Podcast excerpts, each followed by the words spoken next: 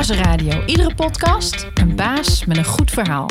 Geïnterviewd door Brechtje Spijkerman en Marjolein Veringa. Ditmaal Chris van Dam. De man die met het voorzitten van de commissie van Dam rondom de toeslagaffaire de val van kabinet Rutte 3 inleidde. Hij zit sinds 2017 in de Tweede Kamer voor het CDA. Hij voert het woord over de sector waarin hij jaren werkte: justitie en veiligheid. We vragen ons af, Chris, hoe houdt een man als jij het moreel kompas recht in de politiek? En wat maak je allemaal mee als je een commissie moet voorzitten die kan leiden tot de val van het kabinet?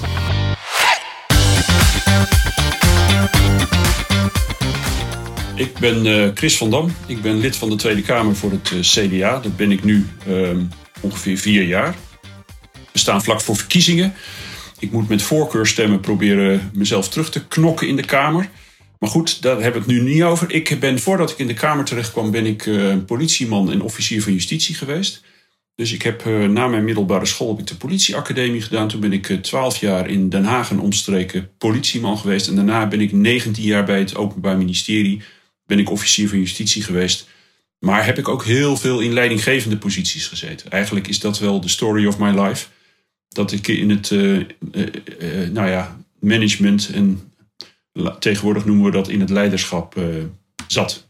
En dat is, ja, dat ben ik. Ik woon in Den Haag, heb een getrouwd gezin, dat soort dingen. En als je in de politiek zit, dan werk je alleen maar. Verder is er nergens tijd voor. dat klinkt hartstikke leuk. En waar wij heel erg nieuwsgierig naar waren, als het dan toch over leiderschap gaat. En jouw leiden, laatste grote leiderschapsactie, als ik het zo mag worden, uh, noemen, is uh, natuurlijk voorzitter van die commissie kinderopvangtoeslag. Ja. En ik ben heel benieuwd, uh, zeg maar, hoe, hoe jij dat leiderschap daarin ziet. Hoe is het om zo'n voorzitter van zo'n commissie te zijn, zeg maar? Nou, laat ik beginnen met hoe je het wordt.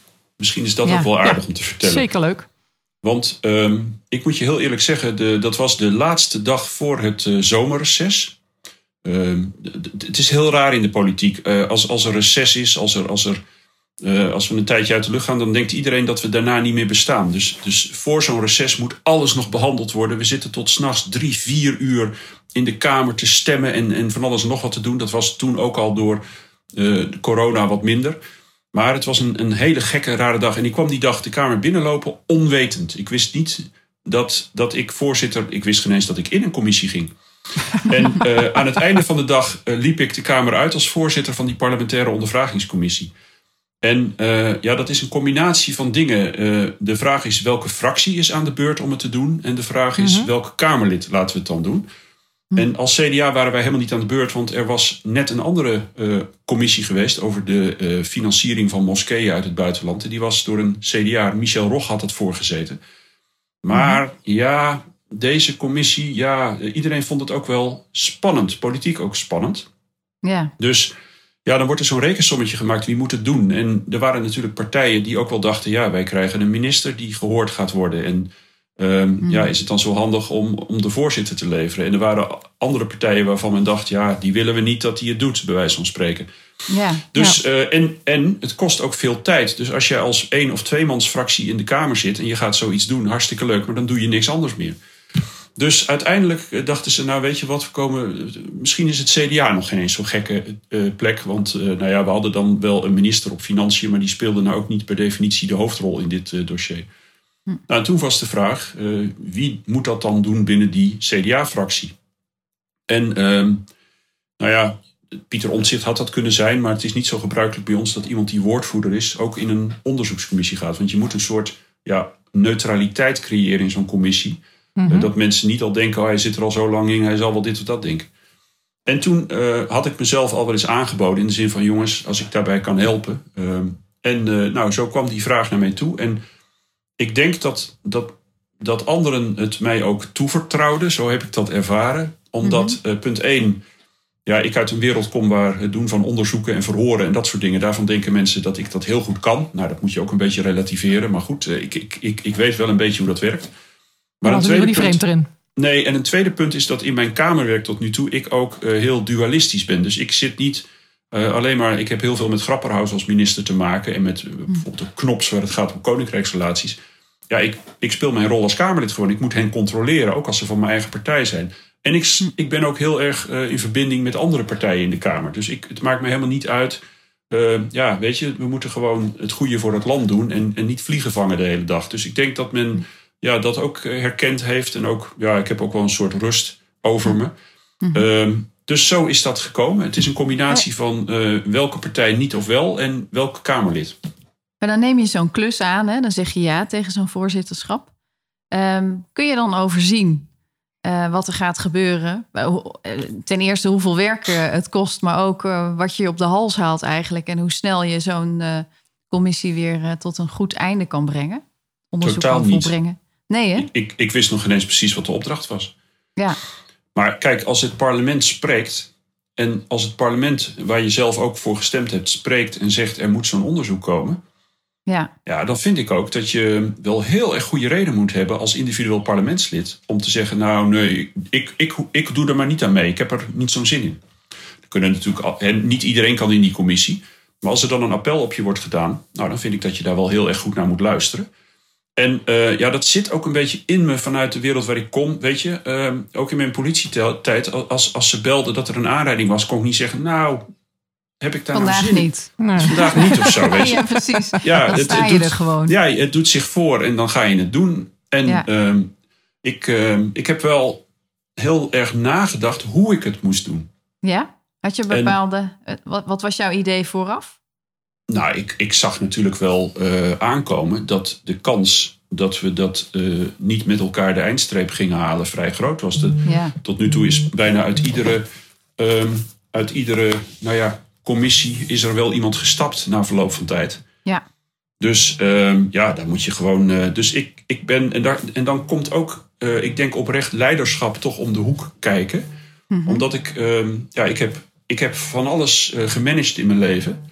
Ik heb bijvoorbeeld zelf heel veel geleerd aan leiderschap in mijn ME-tijd. Ja? Eh, ja, ik, heb, eh, ik ben tien jaar sectie- en pelotonscommandant van de mobiele eenheid geweest. En daar krijg je dan ook een aparte opleiding voor al op, op jonge leeftijd. Ik heb, ik heb ook een, laat maar zeggen, de politieacademie. Dat was eigenlijk een soort bestuurskundige opleiding. Hm. Maar ja, tussen mijn achttiende en, en mijn 21ste ben ik al opgeleid in het Ja. leiderschap. Eigenlijk. Ja. dat waren Ja. actieve thema's die daar eh, steeds een rol speelden. En het was ook evident dat je in een leidinggevende rol ging functioneren. Ja, en, is het dan ook, eh, Chris, dat je daaraan gewend bent ook om gevoelige dossiers daarin op te pakken? Want je zei natuurlijk ook bij dit van, joh, eigenlijk ook best wel spannend. Mensen waren misschien doken er niet bovenop, omdat het ook gewoon eh, spannende materie is. Iedereen weet dat het heel gevoelig is. Dat je dat meer gewend bent, zeg maar, ook vanuit met jouw achtergrond. Ja, nou, wil ik, nou is het zo in de politiek dat er natuurlijk ook iedere dag zich iets nieuws voordoet en mensen daar niet voor terugschrikken om dan eh, hun tanden erin te zetten. Maar wat, wat ik ook voor, vooral bedoel met nadenken over het leiderschap is dat ik eh, heel erg, ik ga er heel erg van uit dat leiderschap eh, niet iets van boven is, maar dat het eigenlijk horizontaal is. Dus eh, ja, leiderschap heeft voor mij heel veel met dienend leiderschap te maken, met faciliterend. Met, ehm, eh, je, je hebt natuurlijk de hiërarchische vorm van leiding geven. En je kunt wellicht denken, nou, in de ME dan zal het wel hiërarchisch enzovoort zijn. Natuurlijk, er zijn situaties dat als je in een, in een soort gevechtssituatie bent, dat je vrij directief bent. Maar dat kan eigenlijk alleen als je daaromheen heel goed weet wie je in die linie hebt staan. Eh, wat ja. er speelt bij de mensen, wat er aan de hand is. Eh, En is, zorgend speelt het in de politiek ook zo? Want daar, heb Nou, natuurlijk- heb- je hebt de minister, daar zit ook een duidelijke hiërarchie natuurlijk in. Maar aan de andere kant, ehm, de Ja, Tweede wie is Kamer dan de controleert baas, eh, weer. Wie is Ja, dan de nee, dat is een goede vraag. Dat is natuurlijk, eh, ja, je- Kamer, bent elkaars baas. Ja. Nee, de Kamer is, dat is dem- Ja. democratisch kan het niet anders. Nee, Ja, maar kijk, wat, ja, wat, ik, precies. wat ik dus als eerste stap heb gedaan, is met iedereen afzonderlijk gaan praten. Mhm. Gewoon om, om te vragen, goh, ehm, wat wil je? Eh, waar zie je de leeuwen, de beren? Eh, wat, wat, wat, wat wil je bij wijze van spreken zelf ook hiermee bereiken? Maar wat is iedereen dan? Iedereen Ja. uit de commissie? Elk Of, kamer, eh, nee, uit de commissie. Uit de commissie. Ja. Gewoon Want even voor ons een schets. eh, hoe zit, eh, uit hoeveel mensen bestaat de commissie? De, com- ja. de commissie bestond uit acht Kamerleden, inclusief mijzelf. Uit één griffier, eh, gewoon uit de Kamerorganisatie. Mhm. En uit ehm, drie, nee, vier onderzoekers. Ja. Ehm, waarbij eh, de een dan een ja, soort documentalist was en de ander meer juridisch eh, inhoudelijk. Echt een hele kleine staf. Mhm. Maar mensen wel met veel ervaring, eh, al in eerdere onderzoeken ook. En dan, ja, gaande de rit krijg je daar nog iemand van de voorlichtingsafdeling bij. Ehm, onmisbaar. En daar zit ook weer een heel team achter. Maar, dat, maar Ja. ook twee vaste bodes, hè, die mensen de zaal in en uit laten, dat soort dingen. En zich ja. ook echt, echt gecommitteerd weten aan die commissie, dat het goed loopt. Ja. Dus ehm, ja, en, en, en zo doe je dat met elkaar. Maar ik heb met, ehm, eh, ik, ik denk, en ja, we, we hebben gewoon met elkaar gesproken. Ik eerst individueel met de griffier, met, met iedereen die erbij betrokken was. En dat Mhm. de opbrengst daarvan ook plenair besproken. Van nou jongens, Mhm. dit zijn de, de, de, de, ja, de kansen en de bedreigingen die we met elkaar hebben. Ja. En ik denk dat dat. Eigenlijk heb je ehm, een beetje een, een team gesmeed ja, voordat jullie begonnen. Ja, en dat, dat, dat is heel raar. Maar je kunt in de Kamer kun je, eh, kun je elkaar bestrijden op de inhoud en van alles en nog wat hebben. Maar zo'n. En dat, ik heb eerder in een ondervragingscommissie gezeten. Ook politici van verschillende stromingen, die moeten met elkaar die verhoren doen, met elkaar dat rapport schrijven, met elkaar die. Je wordt een team. Ja. Ja. Je wordt een team. Als, je- als je dat niet hebt, ja, dan wordt het heel ingewikkeld. Nou, en ik ben er ook. Sorry. Ja, wat eh, Chris, waar ik zo gefascineerd eh, door ben en de vraag die ik jou graag wil stellen, want het is echt geweldig dat we een inkijkje krijgen, want we lezen iets over een commissie dat blijft redelijk vaag. Maar nu eh, kunnen we via jouw eh, woorden en jouw verhaal krijgen we een beter beeld van hoe wordt dat eigenlijk opgetuigd hè? en hoe, hoe voelt het om in een commissie te zitten. En wat ik me bedacht ter voorbereiding op dit eh, interview is hoe ga je om met druk? Want ik kan me voorstellen dat deze mensen, dit was zo'n belangrijke commissie, eh, dat er van alle kanten ook aan deze mensen getrokken kan worden. En ook aan jou. Ik bedoel, jij hebt een achtergrond, politieman, officier van justitie. Hè, recht doen en veiligheid vind je belangrijk. Dus jij hè, houdt een rechte rug. Ik bedoel, integriteit in jouw vak. eh, ook al ben je een politicus, is super belangrijk. Maar er wordt wel, eh, er wordt natuurlijk wel worden pogingen gedaan om te beïnvloeden. Of kan dat niet bij een commissie? Hoe ziet dat eruit? Nou, ja, ik kan dan eigenlijk vooral en alleen maar voor mezelf spreken. Het is zo dat als je in een commissie komt, dat je als Kamerlid een beetje losgelaten wordt door je fractie. Oké, Dus ik heb eh, nooit ehm, contact gehad. Ik vond, ik vond dat soms zelfs een beetje eenzaam. Ik heb nooit contact gehad met iemand uit mijn fractie die zei: Goh, gaat het wel goed? En eh, eh, zorg je wel dat dit gebeurt? Of voorkom je dat dat gebeurt? Mhm. En je zou je bijvoorbeeld kunnen voorstellen eh, in mijn fractie dat, eh, dat, dat mensen het niet leuk hebben gevonden dat Wopke Hoekstra eh, ook gehoord werd voor die commissie. Mhm. Ik heb nooit vanuit mijn fractie, vanuit mijn partij, vanuit het kabinet enige vraag of opmerking gehad. En ja, dan loop je s'avonds laat na weer zo'n dag vergaderen door de gang en dan dacht je wel eens bij jezelf: Goh, ziet iemand wel hè, wat ik aan het doen ben? Ja, nou, die- Ja. het, het, in zoverre is, is lid zijn van zo'n commissie eh, best ook eenzaam. Je Ja, hebt ook een geheimhoudingsplicht. Ja. Dus je mag er niet over praten. Eh, dat gaat zelfs zo ver dat mijn eh, persoonlijk medewerker, die gewoon wel eens stukken uitprinten, die moest eerst een geheimhoudingsverklaring tekenen voor ze dat überhaupt mocht. Dus wat dat Ja. betreft is het heel erg gereglementeerd. En ehm, even kijken, eh, wat was jouw vraag nou ook Nou, mijn vraag even- was eigenlijk... Hoe ga je om met de druk? Hoe ga je om met de druk? Of, De druk, of ja. zijn, er, zijn er mensen die je willen beïnvloeden? Want het kan me voorstellen Ja. dat een van de onderzoekers misschien het niet zo gewend is en dat iemand het daar probeert. Ik noem maar wat, hè? Maar Nee, heb ik nooit gemerkt. Eh. De druk is vooral ontstaan rond de verhoren. Want dan kom je naar buiten toe. En dan, eh, ja, dan, dan eh, presenteer je, dan stel je vragen. En dan zit heel Nederland te kijken. Het is werkelijk ongelooflijk hoeveel Ja. mensen hier naar hebben zitten kijken. Ik, ik kwam bij de bakker en dan zeiden mensen... Goh, bent u nou meneer Van Dam van de parlementaire... dat, dat soort dingen. Ja. En, beroemd ehm, geworden. En ik heb bijvoorbeeld zelf op een gegeven moment, ehm, eh, weet je, je probeert neutraal te blijven. Hè? Je probeert in die verhoren. Want je, het is zo gegaan dat wij eerst meteen in de zomer zijn we al stukken gaan vorderen. En zijn we als commissie gaan vergaderen. Want wij hadden een half jaar de tijd. En we moesten het halen in dat half jaar. Ja. Omdat daarna de verkiezingen eh, zouden gaan starten. En we wilden echt voorkomen dat we, ehm, dat we nou ja, bij wijze van spreken midden in de verkiezingen eh, eh, met, met zo'n rapport kwamen. Dat, dat, Ja. ja, Mhm. het is nu al voor sommige partijen een, een, een best desastreuze uitkomst, laten we wel wezen. zo, ja. Ehm, maar, maar goed, en, en het was ook de opdracht. En ik vind, als je de opdracht aanneemt, moet je ook proberen om hem uit te voeren. Mhm. Maar wij zijn dus in de zomer begonnen met dossieronderzoek, stukken vorderen. En de verhoren, eh, die wisten we dat we kwamen, maar die hebben we heel erg gebruikt om witte vlekken in te vullen. Kijk, Bepaalde ministers moesten we horen, maar bepaalde ambtenaren hadden we meer keuze in. En we hebben wel voor de ene, niet voor de ander. Je kunt niet iedereen horen.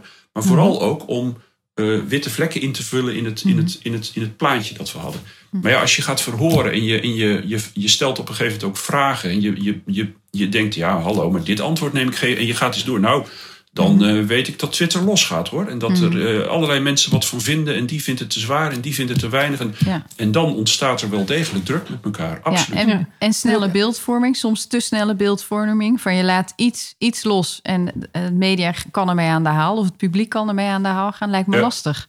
Hè, de nuance Ja. valt soms weg. Nee, dat is zo. Alleen aan de andere kant moet je daar ook een beetje onverstoorbaar mee omgaan. Ja. En wat heel erg belangrijk was, eh, moet je je beseffen dat wij iedere keer na een verhoor, daarvoor spraken we als commissie met elkaar. Hè? Ehm, eh, nou ja, wat, wat, wat is dit verhoor? Wat, wat, wat, eh, wat moeten we vragen? Wat, waar, waar zouden we kunnen doen? Maar na afloop gingen we ook praten met elkaar. En daar zat altijd, dat begon altijd gewoon eerst met even naar de mensen die, die het verhoor hadden gedaan. Van joh, hoe is het gegaan? Hoe voel je je erbij? En Ja. ook oprechte feedback in de commissie. Ja, en wat je dan ziet, dat is dat er gewoon dat dat het, het, het, het, eh, het, het clubje wordt, hoe verschillend je ook bent, waarin Ja. mensen elkaar steunen en, en voor die klus staan. Maar dat is Ja. een beetje hetzelfde als het Nederlands elftal, wat normaal samengesteld is uit spelers vanuit verschillende eh, voetbalteams die in de competitie elkaar eh, bestrijden op het veld en dan er met elkaar staan. Dat Ja. is het. Ja. Ja. Mooie, mooie schets. Waar ik ook nog nieuwsgierig naar ben, Chris. Want eh, als het over leiderschap hebt, je hebt heel veel leiders geïnterviewd eh, daarin. Dus het zijn mensen die directer betrokken zijn, maar soms ook veel indirecter betrokken zijn. Direct zeg maar, bij deze materie. Hoe, hoe beoordeel je dat als commissie, zeg maar, die leiderschap? Wie is er dan schuldig, wie is er dan niet schuldig? Het is natuurlijk heel vaak, eh, ook, je ziet ook nu wel bij grote bedrijven, hè, als, eh, als CEO's ergens op worden aangesproken. In hoeverre ben je daar schuldig aan? In hoeverre heb je daar invloed op gehad? Of is, Dat is is het systeem, hè? Ja, of is ja en Cultuur. alles bij elkaar. Hoe, hoe, hoe bekijk jij dat? dat? Dat leiderschap daarin, in zo'n groot systeem met zoveel omvattend onderwerp eh, daarin. Poeh, ehm, di- dit is een, een vraag waar zoveel op te antwoorden is dat ik eh, Hmm. werkelijk eh, dat doe met, met nul ambitie om volledig te kunnen zijn. Maar mag ik een paar dingen noemen? Ja, ja. Ehm, ehm, laat ik eerst beginnen bij mezelf. Ik heb natuurlijk zelf ook jarenlang in ambtelijke organisaties gefunctioneerd. Mhm. En gaande het onderzoek en de verhoren dacht ik steeds meer terug aan zelf momenten in mijn ambtelijk verleden dat ik dacht: oh jongens, wat heb ik gedaan? Wat heb ik Ja. gedaan? Ja.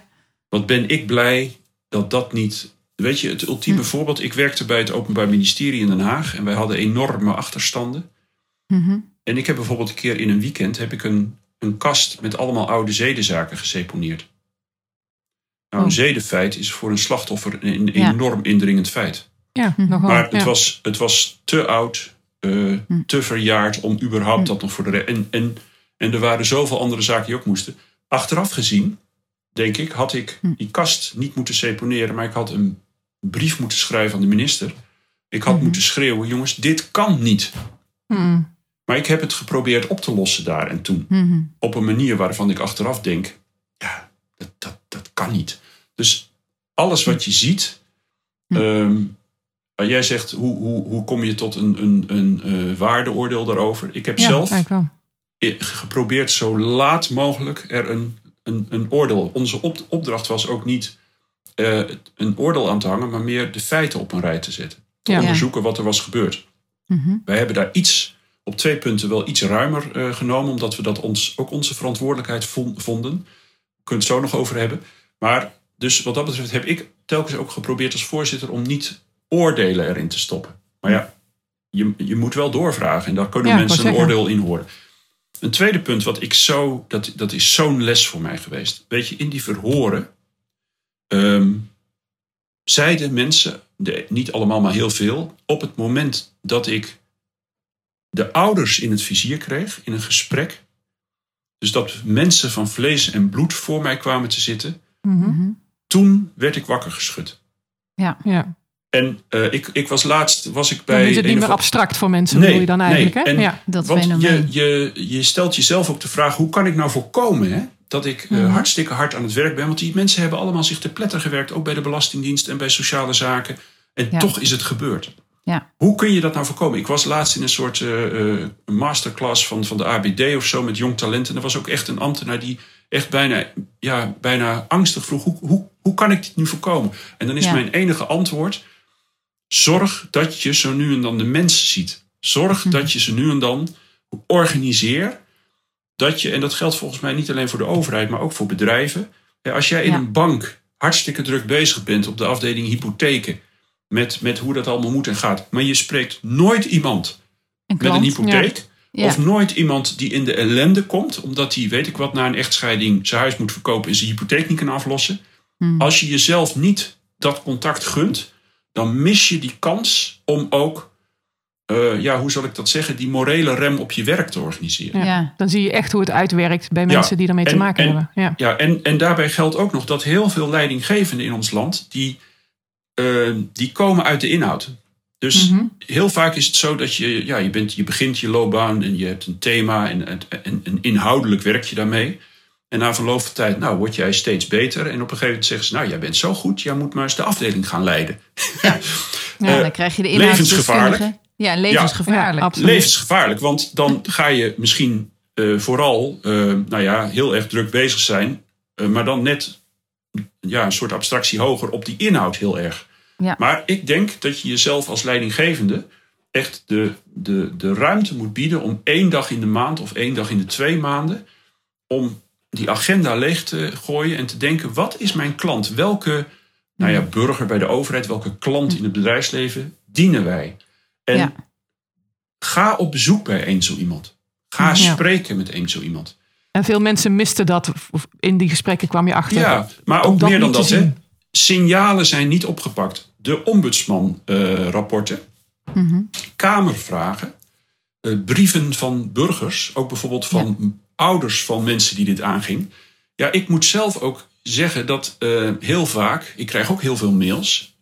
Is dat nou de rimpeling in je dag dat je denkt: oh jee, heb ik weer een, eh, er is weer een, een, een, een klacht of een brief. Nou, even, even of niet reageren, of ik laat het even aan mijn medewerker over, of nou, huppakee. Eh, ook het, als je ziet de, de brieven die vanuit het ministerie geschreven zijn op rapporten van de ombudsman, die zijn ook vooral erop gericht, jongens, hoe managen we dit? Ja. Hoe, hoe zorgen we dat, we dat we dit even weer downplayen? Mhm. Terwijl je eigenlijk zou moeten zeggen, dat is eh, zeker op een, naarmate je op een hoger managementniveau komt, eigenlijk het, het primaire instrument waarmee je, waarmee je het moet doen. Want kijk, die, Ja.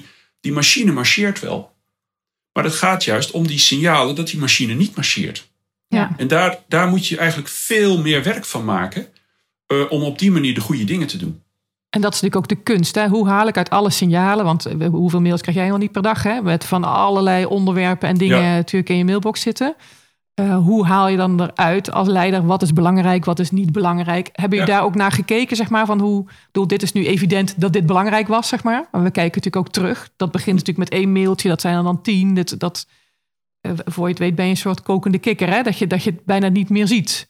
Nee, ik heb ook zelf, eh, nu hoort, zeker na die kinderopvangtoeslag, denken heel veel mensen dat ik een soort eh, ja, messias ben die, eh, die hun problemen gaat oplossen. En dat is, eh, soms moet je ook jezelf wel beschermen dat je niet overal op, op ingaat. Dus ik, ik perk dat ook wat in. Maar ik ben bijvoorbeeld op het vlak van ehm, justitie en veiligheid ben ik actief, op politiegebied. Ik denk dat, dat ik door deze hele eh, operatie van die kinderopvangtoeslag me bewuster ben geworden van het belang van eh, klachten, meldingen, incidenten, rare dingen. Dat je denkt, ja, maar dat kan toch niet? Mhm. Nee, ik heb ooit een keer, eh, lang geleden, een congres gevolgd over, en dat heette Een klacht is een gratis advies. En dat is zo. Het is Ja. een beetje een populaire term, maar zie Klacht de is mens. een kans, hoor je wel. Ja, zie de mens en, en, en richt je klachtenmanagement goed in. Ja. Maar weet je wat zo lastig is, eh, Chris? Dat, dat zijn natuurlijk allemaal ook eh, best wel primaire processen die je als professional in een groot systeem, in een organisatie eh, doormaakt. Hè? Van, eh, het is ook lastig om stil te staan bij iets waar je, hè, waar je het clubshirt zelf van aan hebt, waar je helemaal voor gaat, om daar kritiek op te krijgen. Ja. Ehm, als ik jou zo hoor, ehm, hoe zorg jij ervoor? Want het is een inzicht. Dat inzicht waait ook weer voorbij als je druk bent met. Hoe zorg je, jij dat je in verbinding blijft met, eh, ja, met de burger eigenlijk? Jijzelf. Ehm, ja, nou kijk, voor mij is uh, zoiets als LinkedIn uh, van super groot belang. Mhm. Ehm, maar, en ik, ik vind nu deze tijd dat ik niet gewoon op werkbezoek kan, gewoon Mhm. naar mensen toe kan, dat je daar beperkt in bent, vind ik heel ingewikkeld. Want ja, dat zijn wel de plekken waar mensen je dingen vertellen. ehm, En waar je ook een soort vertrouwen ontwikkelt. Dat mensen je de dingen vertellen die je, die je, ja, waarvan je denkt, wat hoor ik nou? Maar Ja. ik moet zeggen dat als substituut eh, LinkedIn voor mij heel belangrijk is om eh, Mhm. signalen te horen. Omdat je daar namelijk, de, de meeste social media wordt je geacht als een soort kleuter te communiceren. Hè? In, in 140 Ja. tekens of eh, op een B zoveel niveau kwartaal. Terwijl op, op LinkedIn Ja. kan ik gewoon professioneel eh, en in mijn beleving serieus communiceren. Ook naar Ja. een, een serieuze doelgroep. Hmm. En daar haal ik heel veel signaal uit. Echt heel Ja. veel. En eh, nou, daar doe ik dan ook het nodige mee. En wat ook een rol speelt, dat is het grappige. Op het moment dat jij gaat laten zien dat je iets met signalen doet, Mhm. dan gaan mensen je bedienen. Mhm. Dus als jij een, eh, en dat denk ik ook voor een leidinggevende, als jij een leidinggevende bent die vooral weg wil poetsen en jongens, nee, we moeten door enzovoort, dan zul je dus ook veel minder horen dan wanneer je een leidinggevende bent die, ehm, en dan hoef je niet met alle signalen iets te doen, maar wel Mhm. laat zien dat je die signalen ook belangrijk vindt. Ja. Ik, heb, ik heb altijd moeten lachen om die mensen te zeggen: nee, mijn deur staat altijd open. Dan dacht ik wel: oké, maar wat bedoel je daar nou mee? Ja. Ja. Als de drempel heel hoog blijft, dan Ja, komt toch is- niemand binnen. Dat is wel mooi dat je dat zegt. Van, eh, als leidinggevende is het dus best wel belangrijk om te weten wie je zelf bent. Zodat je kan overbrengen wat je belangrijk vindt. Zeker, zeker. Hè? Maar Dus- weet je, dat, dat, dat- ik ben nu 57 en dat inzicht heb ik. Maar ehm, ja, ik, ik denk wel dat ehm, de eerlijkheid gebied te zeggen dat ik dat misschien 10 of 20 jaar geleden in veel mindere mate had. Mhm. Toen was ik ook En een stuk ook voller nog- van mezelf. En is het ook nog, Chris, zeg maar deze gebeurtenis wat natuurlijk best wel impactvol is. Hè? Maar de, commissie zit je niet iedere dag voor. Je, eh, dit is ook nog eh, het vallen van het kabinet heeft als gevolg gehad. Dat zijn natuurlijk best grote dingen. Dat het ook dingen heeft gedaan met jouw eigen zelfinzicht. Of heb je daar zelf dingen van geleerd? Zegt, dat, dat ga ik nou voortaan echt anders doen. Nadat ik al deze gesprekken heb gevoerd met die mensen. En daar natuurlijk ook weer nieuwe inzichten van gekregen hebt. Ehm, nou, ik vind zelf, ja, natuurlijk doet het toe aan je zelfvertrouwen. Als je, als je kijk, ik, ik vind het gewoon. ehm, ik heb op een gegeven moment een, een, een, een deel van het rapport aan mijn eigen keukentafel zitten schrijven. Ik heb de toespraak om het aan te bieden ook zelf geschreven. Omdat Hmm. ik, dat heb ik heel bewust gedaan, omdat ik wel bedacht dat allerlei media mij gingen bevragen erover. En dan wilde ik gewoon ook in mijn eigen idioom eh, dat zeggen. Mhm. Wel geaccordeerd door de commissieleden hoor. Dus ik heb daar niet een beetje de one-man show. Nee, maar, maar Hm. dus. eh, en, en wel dat jouw taalgebruik bedoel je dan? Ja, en dat Ja. doet toe aan je, aan je, aan je zelfvertrouwen. Ehm, Hm. Ook als politicus. Ja. Ehm, en ehm, ik ben er gewoon. En dat vind ik ook ontzettend waardevol om vol te houden. Daarom heb ik bijvoorbeeld ook allerlei mediaverzoeken afgeslagen. Mhm. Eh, ik ben er heel erg trots op dat we als commissie bij elkaar zijn gebleven. En dat er relatief weinig ehm, inhoudelijke opmerkingen over het rapport zijn. Dat, dat de dingen niet kloppen, bij wijze van Ja, spreken. mhm. Dat je het niet goed gezien hebt. Hm. Ehm, ja, dat, dat vind ik. eh, eh, kijk, politiek is het zo dat zo'n rapport naar buiten komt. En dan wil iedereen weten: moet het kabinet vallen? En eh, moet, de, moet de toeslag sneller geregeld Precies. worden? En wat vindt u van, de, van het hele Ja. toeslagenstelsel? Dat was niet Mhm. mijn job als commissie en als commissievoorzitter om daar waarderende oordelen over te hebben. Wij moesten de foto maken. En de waardering van de foto, dat moest door de woordvoerders of de fractievoorzitter. Dus Ja. dat is de reden waarom ik ook weg ben gebleven bij al die mediaverzoeken om daar nog eens even wat leuks over te zeggen. Omdat ik dan in no time in die discussie terecht kwam van moet het kabinet vallen. En dat Ja. was nou net niet mijn opdracht. Ja, Nee. ik snap hem helemaal. Maar Chris, Ja. als je nou, het is een enorme eh, prestatie met, tot aan het onderzoek, eh, onderzoeksrapport. Het is geschiedenis wat je hebt geschreven, hè? de val van, eh, van het Ja. kabinet. Eh, maar Nou. wat vond je nou het allermoeilijkste terugkijkend, los van eh, dat het heel solistisch was, hè? een half jaar lang?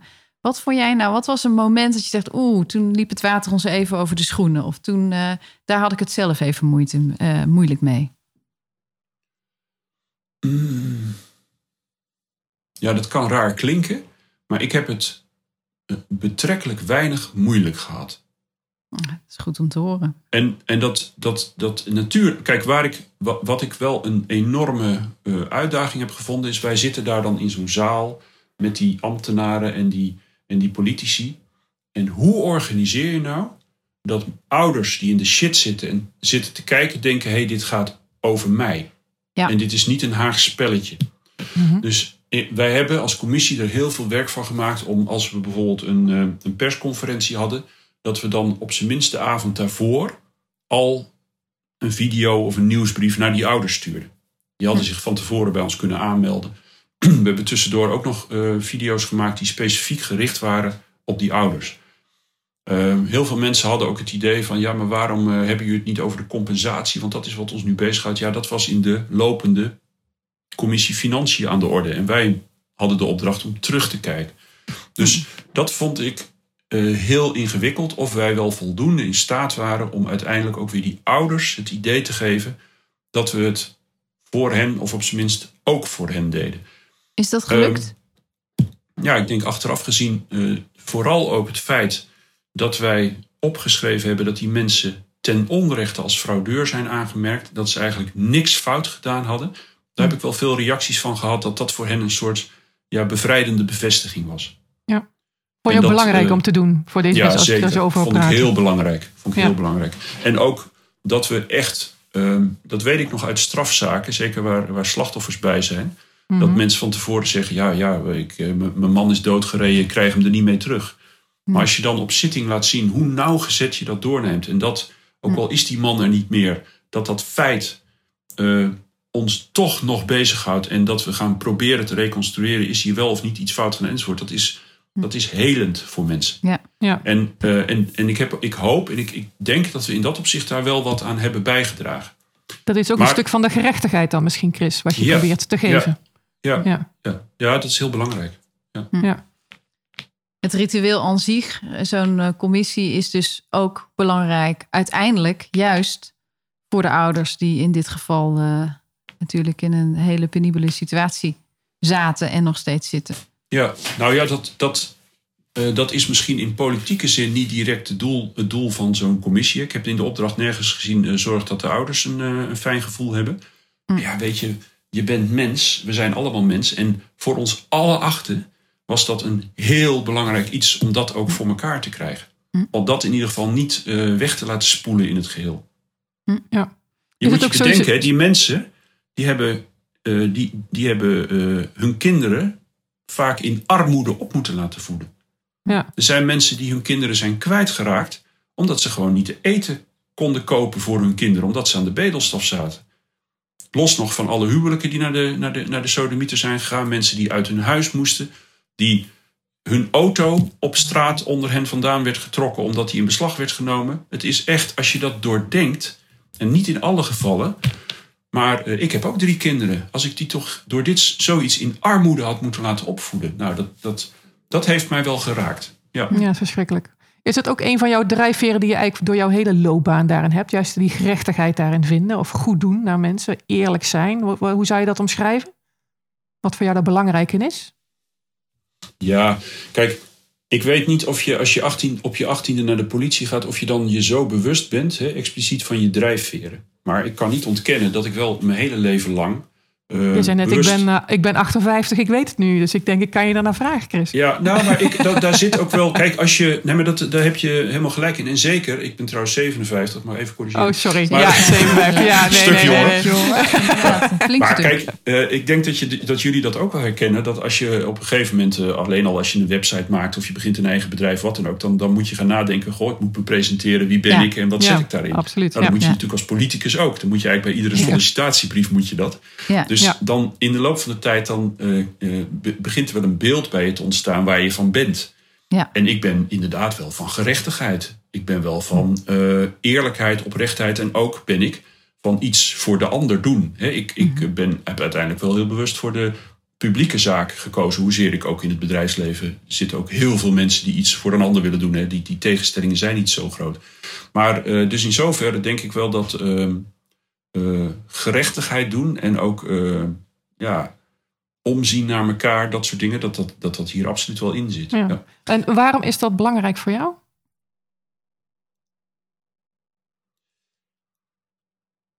Ik denk dat, dat daar ook heel erg uh, in speelt. Ik, heb, ik ben een keer, ik denk dat ik toen midden twintig was, ben ook kerkelijk een beetje georiënteerd. Toen, toen vanuit die kerk ben ik in een opvanghuis terechtgekomen. Ja, ik niet zelf, maar ik zat in het bestuur van zo'n opvanghuis. Mhm. En ik ben daar eh, ja, regelmatig ook in gesprek geweest met die mensen die daar kwamen. Toen ben ik mij pijnlijk bewust geworden ehm, hoe dichtbij wij allemaal zelf het randje zitten. Er Mhm. hoeft maar weinig te gebeuren in het leven van ieder van ons. eh, ja, om ons eh, in een totaal andere setting te laten komen. Of het nou door Hm. ziekte is, maar of, of door nou ja, je baan kwijtraken, echtscheiding, eh, weet ik wat niet allemaal. Of, of dat je gewoon in deze samenleving waar we met z'n allen enorm moeten presteren, het psychisch niet meer trekt. Mhm. Mhm. Dus ehm, ik heb een diep down gevoel dat ik werkelijk geen cent meer waard ben dan wie dan ook. Mhm. Ja. Nou, als we het dan hebben over zingeving, en waar je net wat over hebt verteld, hè, wat jouw drijfveer eigenlijk is. En je kijkt nu naar alles wat je hebt meegemaakt in je loopbaan.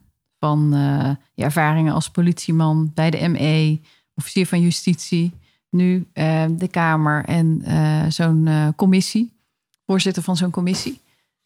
Wat zijn dan momenten waarvan jij denkt, ja, daar, daar komt het voor mij bij elkaar? Ik zou niet willen zeggen trots. Misschien zeg je dat niet over jezelf, maar dat is wel, hè, daar kwam eigenlijk mijn zingeving of mijn talent kwam daar wel bij elkaar. Dus Nou, kijk, heb- ik denk. Ja? een vooroordeel dat misschien CDA-man niet zo, niet zo snel zegt, hier ben ik trots op. Dus ik probeer hem iets anders te stellen, de vraag. Oh ja, ja, ja, ja. ja. Waar Nee, ben je echt trots op? Waarvan denk je, Nou, kijk, nu, nu komt alles bij elkaar. Dit was echt een moment van, ik denk, ja. nou, ik ben er natuurlijk trots op dat we, eh, dat we de. Ja, dat heb ik al net gezegd, dat we met elkaar. Ik ben ook een heel erg met elkaar iemand, hè? Ja, Dus ik, ik, ik, eh, er zijn ook mensen die, eh, die veel meer voor de individuele prestatie gaan. Ja. Eh, wat, wat, gelukkig maar, hè, want dat hebben we ook heel erg nodig, die mensen in onze samenleving. Want anders worden ze allemaal van die, van die gemelijke groepsdenkers zoals ik ben. Maar ik vind het heel belangrijk om eh, samen uit, samen thuis. Eh, Ja. En ik ben er ook heel erg van overtuigd dat, ehm, dat er in ieder, iedere club eh, talenten zitten die de club met elkaar beter maken. Daar heb ik nog wel een leuke anekdote over. Want toen ik dus in de mobiele eenheid kwam, toen kwam ik daar als sectiecommandant in de club met 20 mannen. Er zaten 10 mannen en 10 vrouwen. En eh, ik had van tevoren gedacht, nou de ME, 20 stoere kerels, hè, ja. lijkt me de beste optie. Ja. Maar ehm, nee, het waren 10 mannen en 10 vrouwen. En, en er waren eh, hele grote kerels bij. En ook een paar hele grote vrouwen. Maar er waren ook eh, lui bij dat ik dacht, jeetje jongens, moeten we daar nou de, de oorlog mee winnen? Dat wordt wel ingewikkeld. Wow. Maar in de loop van de tijd heb ik ontdekt dat je juist in zo'n club ieders talent moet eh, identificeren en benutten. Mhm. En ik ben op allerlei plekken geweest, maar het ultieme voorbeeld was eh, eh, dat ik op een gegeven moment op het Binnenhof stond. En toen was er een demonstratie van, van mensen met een pitbull. En die waren daar ook met hun hond. En dat was nog, inmiddels is het pitbullverbod afgeschaft, maar toen werd het ingevoerd. Dus die mensen waren allemaal. En toen was er een heel klein vrouwtje uit mijn ME-sectie. En wij moesten uiteindelijk dat Binnenhof leeg zien te krijgen. Toen mocht je nog demonstreren op het Binnenhof. Vorige eeuwen. En die zei, Chris, eh, ja, zegt ze, ik moet om vier uur mijn kinderen van de opvang halen. Mag ik even? En ik dacht, nou ja, best. Dus zij greep de megafoon. En ze, eh, ja, op zijn Haagse zegt, schold die lui helemaal verrot. En nou het Binnenhof af! Een mooie drijfveer. Maar ik moet naar En huis. daar, en daar gingen ze. En Ja, daar gingen Daar ze. gingen ze. Kijk, En toen dacht ik bij mezelf, ja, dat is ook een aanpak. Ja. Dacht jij dat is ook een ja. aanpak. Ja. Inderdaad. Goeie en ik stem. stond een keer bij de watersnood op de brug bij Zaltbommel. En eh, dat was in de periode dat de Bommelerwaard die moest ontruimd worden. Die moesten van alles doen. Mhm. En er was een of andere vrachtwagenchauffeur die wilde niet. En die zette zijn, zijn vrachtwagencombinatie ergens ongelooflijk onhandig eh, neer als een blokkade. Nou, wij in gesprek met die man enzovoort. Totdat er iemand uit mijn sectie kwam en die zei... eh, Chris, ja, zegt hij, ik ben vroeger internationaal vrachtwagenchauffeur geweest. En Mag heb, ik eh, even? ik heb de, ik heb de, meneer weet het nog niet, maar ik heb de sleutel eh, alvast even gepakt. Die zat kennelijk nog in het eh, ding. Dus hou die man nou even bezig. En ineens zie ik dus die hele combinatie in beweging komen. Ja, mooi. en wegrijden. Weet je, als je niet weet welke talenten je aan boord hebt. En als je niet weet die aan te spreken en dat te doen. Ja, dan, dan zit je als, als leider zit je de heerlijk in je eentje, maar je komt nergens. Nee, je Ja, mist en dingen Heel mooi. die je anders Ja. niet kan Ik- gebruiken. Gaandeweg, Marjolein, als ik zou. eh, en Chris, als ik terugkijk eh, naar het afgelopen uur al bijna, dat we met elkaar in gesprek zijn. ehm, denk ik dat je al heel veel praktische ja, learnings al bijna hebt gegeven over hoe je eh, aan de ene kant van wat jij zelf meemaakt eh, en hoe jouw visie op leiderschap, maar ook eh, waar je wat concreet mee kan. Dus nu, hè, die talenten. Even kijk je niet op misschien vooroordelen die je hebt van zo'n ME-groep. Dat moeten alleen, alleen maar grote, stoere mannen zijn. Maar kijk naar hè, welk talent je in je team hebt.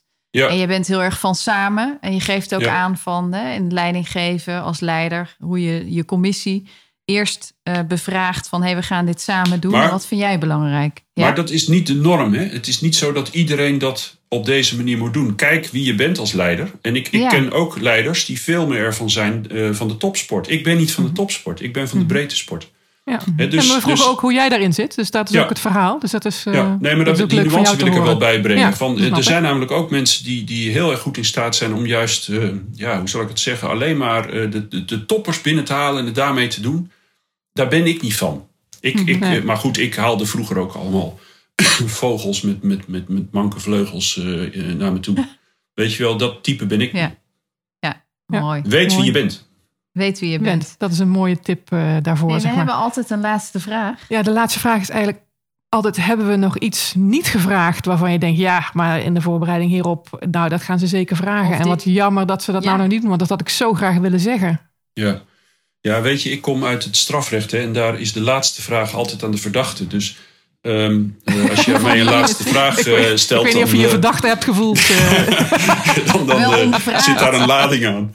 Ja. Nee, de laatste Zo vraag. dan ja, Weet je, ehm, ik, ik, over politiek wordt heel vaak ehm, ja, negatief gesproken. Of eh, goh, jullie zullen eh, jullie eh, belazeren de boel. Of je, er zit, er zit een, een zekere negatieve stroming ook in het land van nou daar in Den Haag. Hè. Zeker als je bijvoorbeeld een Thierry Baudet over de, de, nou ja, de, de hoe noemt hij dat ook alweer? Eh, eh, van die namen voor. En, en, en zijn partijen die continu eh, dat voeden. Van het zal wel. En ik heb met deze commissie gezien, die toch samengesteld was uit, uit hele verschillende richtingen. Dat ehm, als het. Ja, dat, dat we ook met elkaar echt intrinsiek het goede kunnen zoeken. In de zin van wat is hier gebeurd en wat speelt er. En met allemaal verschillende invalshoeken, maar dat heeft mij heel veel hoop gegeven eigenlijk.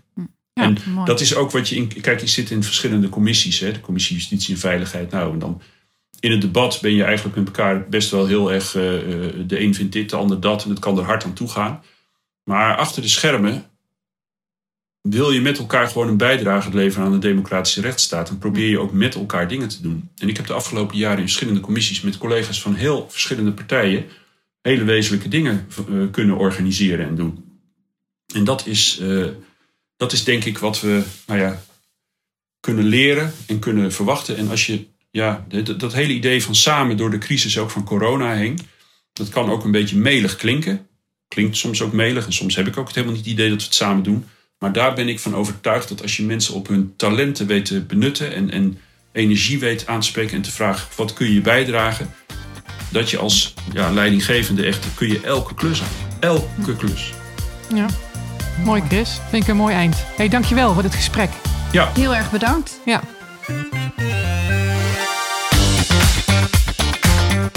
Tot zover het interview. Wij hopen dat je geïnspireerd bent geraakt en dat het je aanzet tot nadenken over je eigen leiderschap en keuzes die je maakt in je leven. Wil je meer horen? Wij hebben nog een reeks fantastische gasten in de aanbieding. Abonneer je op Bazenradio en pak ze allemaal mee. En we komen graag met je in contact. Heb je complimenten of tips? Wil je reageren inhoudelijk? Laat dan een berichtje achter. Voor nu zeggen wij tot de volgende baas.